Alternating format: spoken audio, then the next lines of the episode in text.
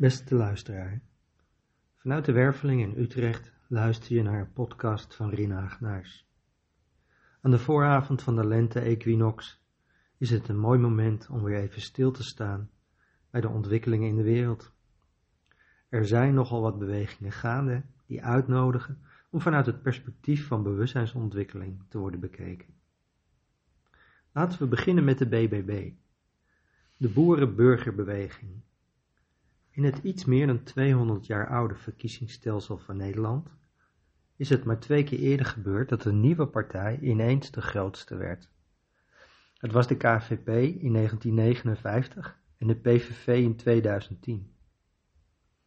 Nu nog geen vijf dagen later is dit alweer uit het nieuws van de voorpagina verdwenen. Maar is het dan niet interessant genoeg om dat te onderzoeken? Zou dit niet dagenlang op de voorpagina moeten staan? In 2020 waren er volgens het CBS ongeveer 140.000 mensen werkzaam en betrokken bij het Nederlandse boerenbedrijf. Dat is 0,8% van de Nederlandse bevolking.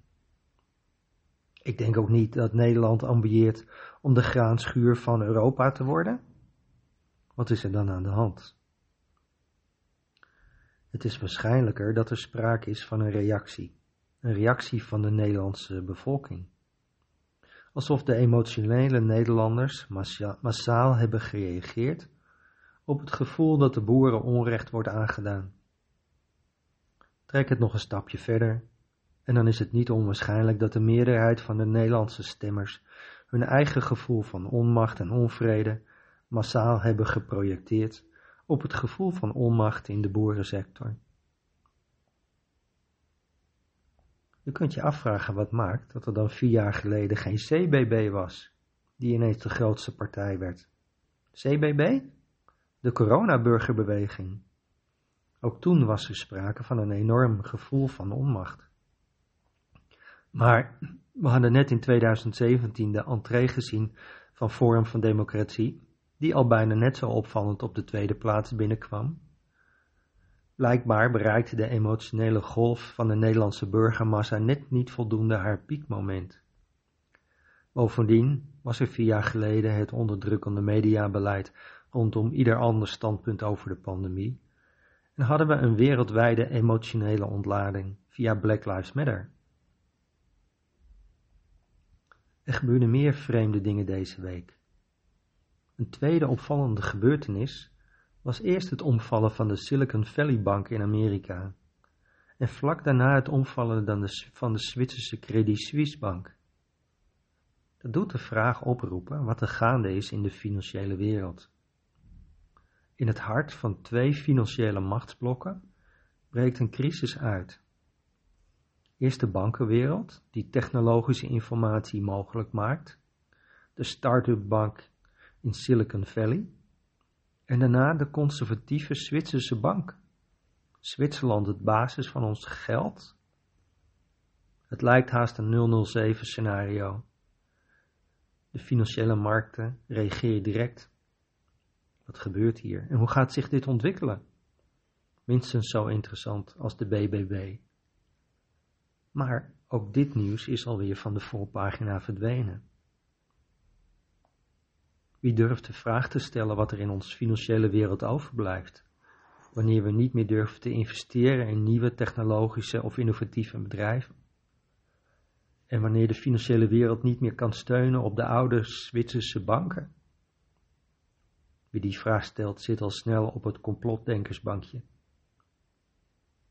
Vanuit bewust perspectief is instabiliteit in het financiële systeem interessant. Want enerzijds nodigt een instabiliteit in het financiële systeem uit om weer meer geld te drukken, weer meer geld te creëren. Dat is wat er tot nu toe steeds gebeurde bij een financiële crisis.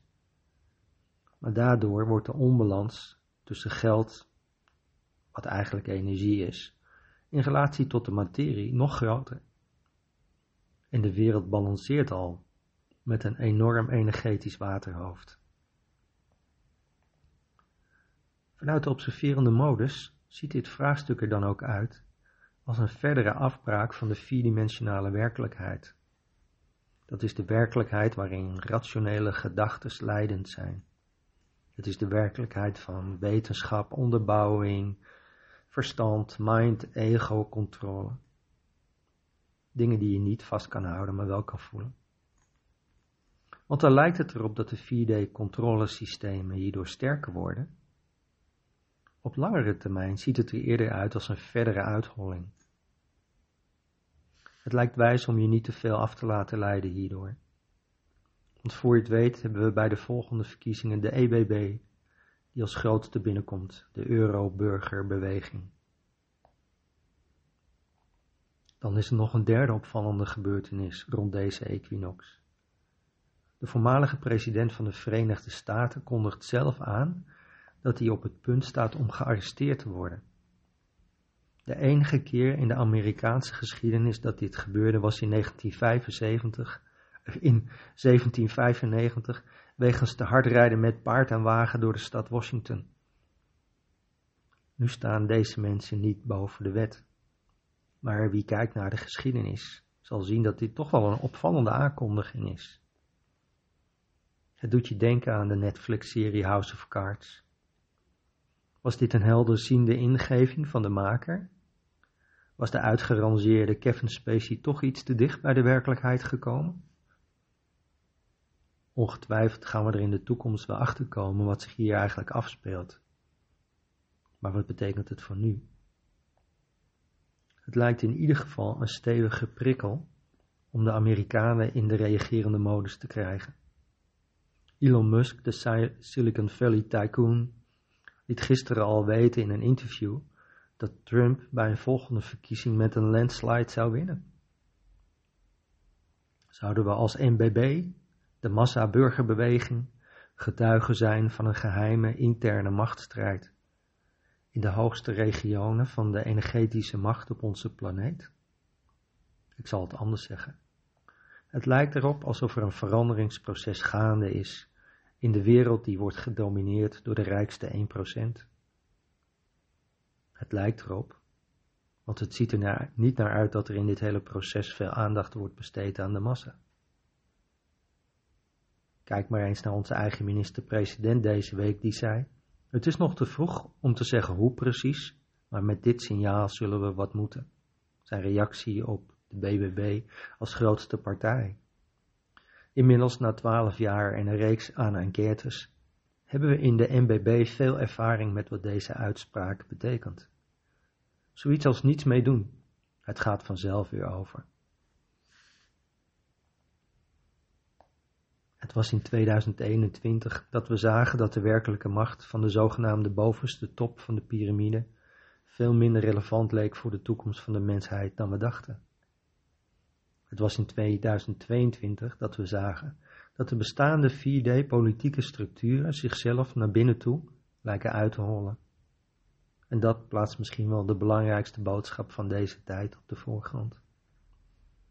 De tijd van het oude groepsbewustzijn lijkt voorbij. De toekomst van de mensheid lijkt te liggen bij al die individuele mensen die verbonden vanuit hun hart een nieuwe maatschappij vormgeven. Kleine tip, wanneer de komende tijd van alles gebeurt. Houd je aandacht bij de creaties die voor jou belangrijk zijn. Wil je hier meer over weten? Bezoek ons in de Werveling of bekijk de website hetmagischhart.nl. In elk geval dank voor je luisteren en graag tot de volgende keer.